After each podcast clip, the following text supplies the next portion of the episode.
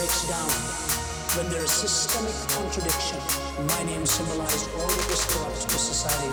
His name symbolized all that was pure, and I was being held in the embrace of a man who was pure. And these inviolable sanctities were preserved in those ten words. And it is the desacralization of all of these that has put us in the mess that we find ourselves. Isn't it true? The loss is much worse. A person may end up believing in anything. Does so much for you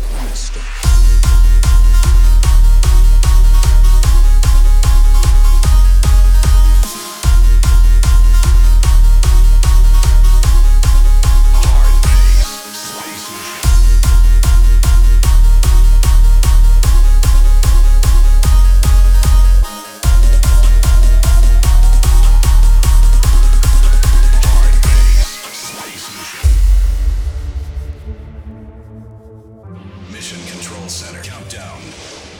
Nine, eight, seven, six, five, four, three, two, one.